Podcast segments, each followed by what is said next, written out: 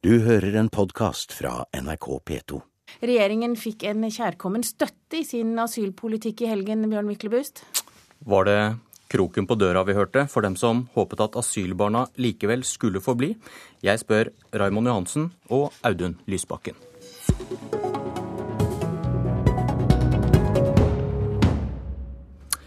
Partisekretær i Arbeiderpartiet Raymond Johansen, du vil ikke diskutere med Lysbakken, så vi får ta deg først. Var det et lettelsens sukk vi hørte fra Youngstorget i går? Altså, Først og fremst så er jeg veldig eh, stolt av at vi har en partiorganisasjon. Det har vært, Bare på disse åtte eh, årsmøtene har vært 1000 mennesker i sving og diskutert viktige politiske temaer. Eh, situasjonen for barn, som har vært lenge i Norge, asylinstituttet, flyktningepolitikken, ble også veldig, veldig grundig diskutert. Og Der var det en sterk oppslutning om det Arbeiderpartiets landsmøte har vedtatt. At vi skal ha en rettferdig og forutsigbar politikk. Samtidig som man har sett at det er vanskelig å ha særordninger og samtidig være rettferdige og forutsigbare. Jeg vil stille deg spørsmålet om du misbruker noen av vedtakene fra helgen. For hør på det sitatet her. Vestfold Arbeiderparti understreker at barnas livssituasjon og oppvekstmuligheter må tillegges særlig vekt når søknader om asyl eller opphold vurderes. Vi kan ikke se at dette er hensyntatt når barn som er født og oppvokst her i landet, og som har bodd her i opptil ti år, sendes ut av landet. Ja, Det er et engasjement jeg skjønner uh, veldig godt. Men dette er et fylkeslag du har på støttelista di? Det har ikke noe støtteliste her. Her har det vært diskusjon om man mener at disse sakene skal stilles i bero eller ikke.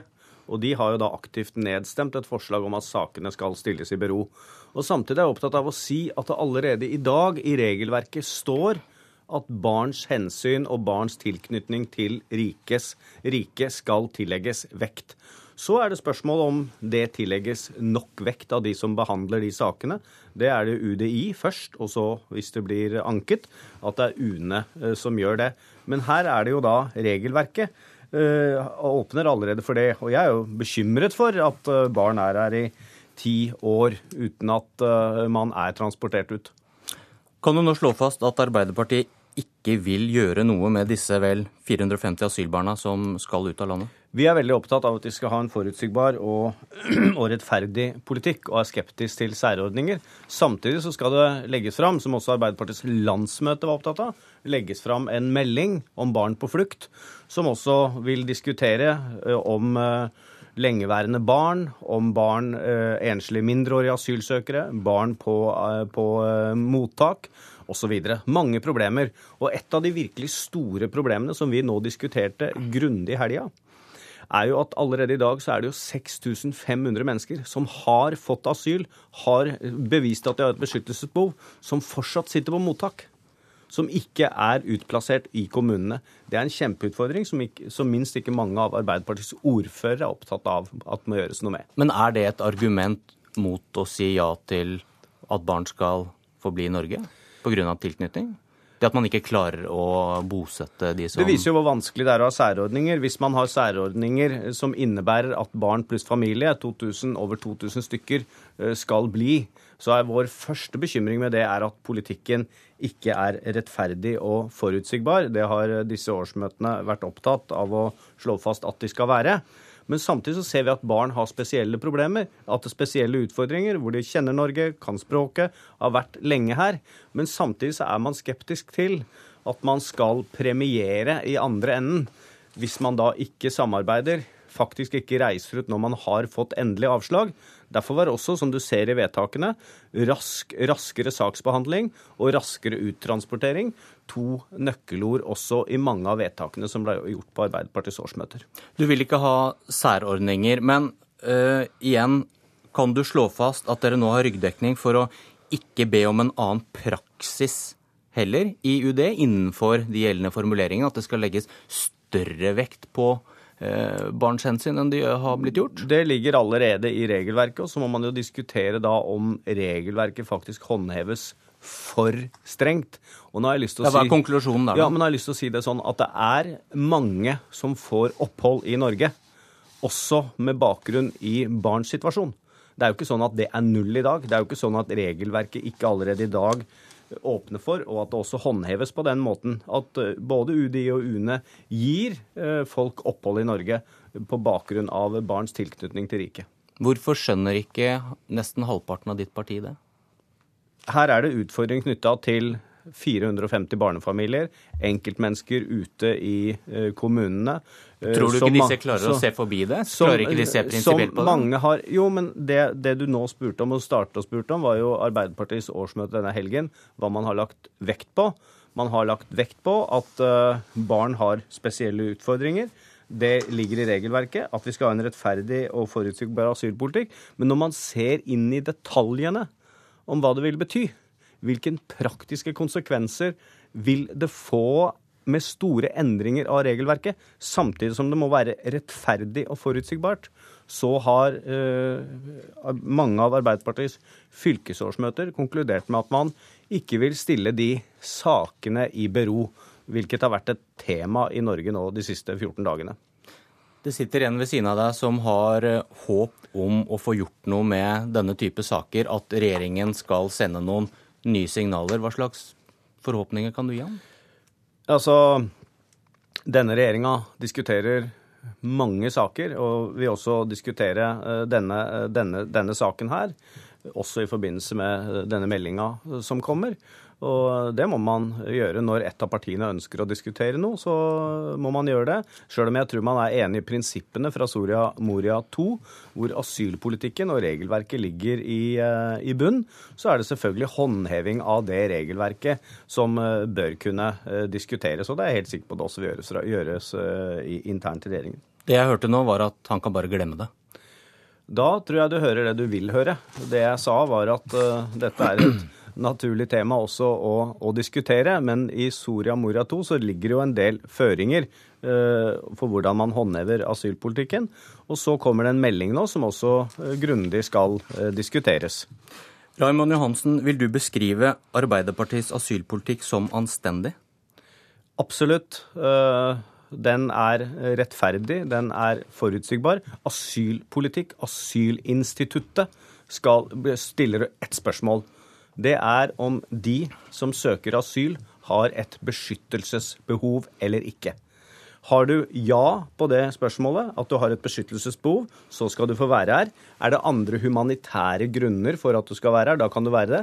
Hvis du da ikke har et beskyttelsesbehov, så skal du da returneres så fort som mulig. Men jeg har lyst til å si at av de 10 000 som søker asyl hvert eneste år, så alle har fantastisk gode grunner til å kunne være i Norge. Ønsker seg et bedre liv. Og det syns jeg Det har ikke jeg noen moralsk pekefinger i forhold til. Men her spør vi om asylinstituttet, om du har et beskyttelsesbehov eller ikke. Takk, Raymond Johansen. Og Derfor så skal vi tørre sjøl om det ikke alltid gir velgermessig gevinst, å være de som står opp for en anstendig asylpolitikk. Dette var fra en talerstol på lørdag. SV-leder Audun, Audun, Lysbakken. Eh, hva er det som er uanstendig ved det Raymond Johansen står for?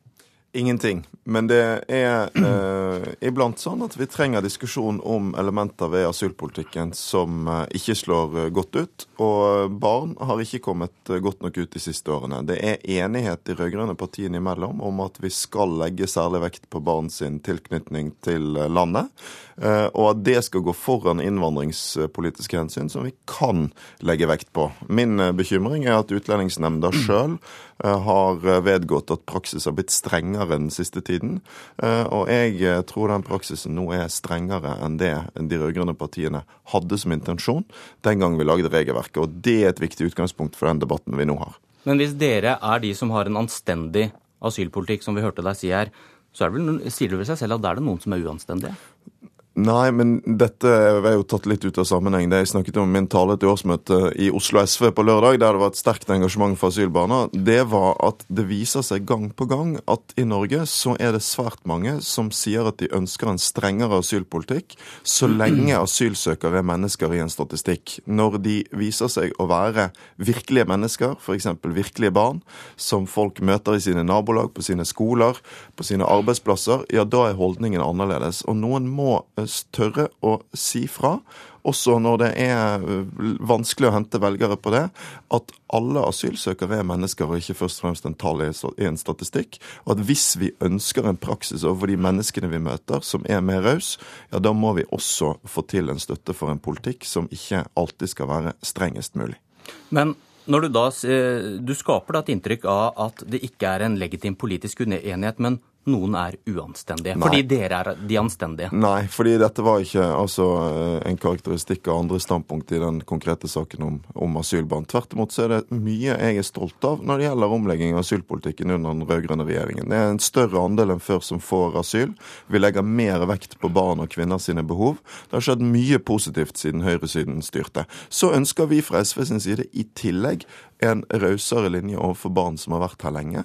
Vi er opptatt av å gå gjennom det regelverket vi har, fordi vi mener praktiseringen ikke er i tråd med det som de rød-grønne partiene har eh, ønsket oss. Og så uh, må vi i den kommende stortingsmeldingen om barn på flukt også se på om vi kan gjøre regelendringer som sørger for at vi ikke om igjen og om igjen får den problemstillingen som vi nå har med barn som har blitt ventende altfor lenge. Hva tenker du om konklusjonen til disse fylkeslagene i Arbeiderpartiet, Helgen? Nei, altså Spørsmålet om berostillelse er etter mitt syn ikke det viktige spørsmålet. Det viktige spørsmålet er nettopp uh, om vi i dag har en praksis i Utlendingsnemnda som er i tråd med det vi har ønsket oss, nemlig at det skal legges stor vekt på barns tilknytning til landet. Det gjør der, det jo, sier Raymond Johansen. Det gjør det. Det står det.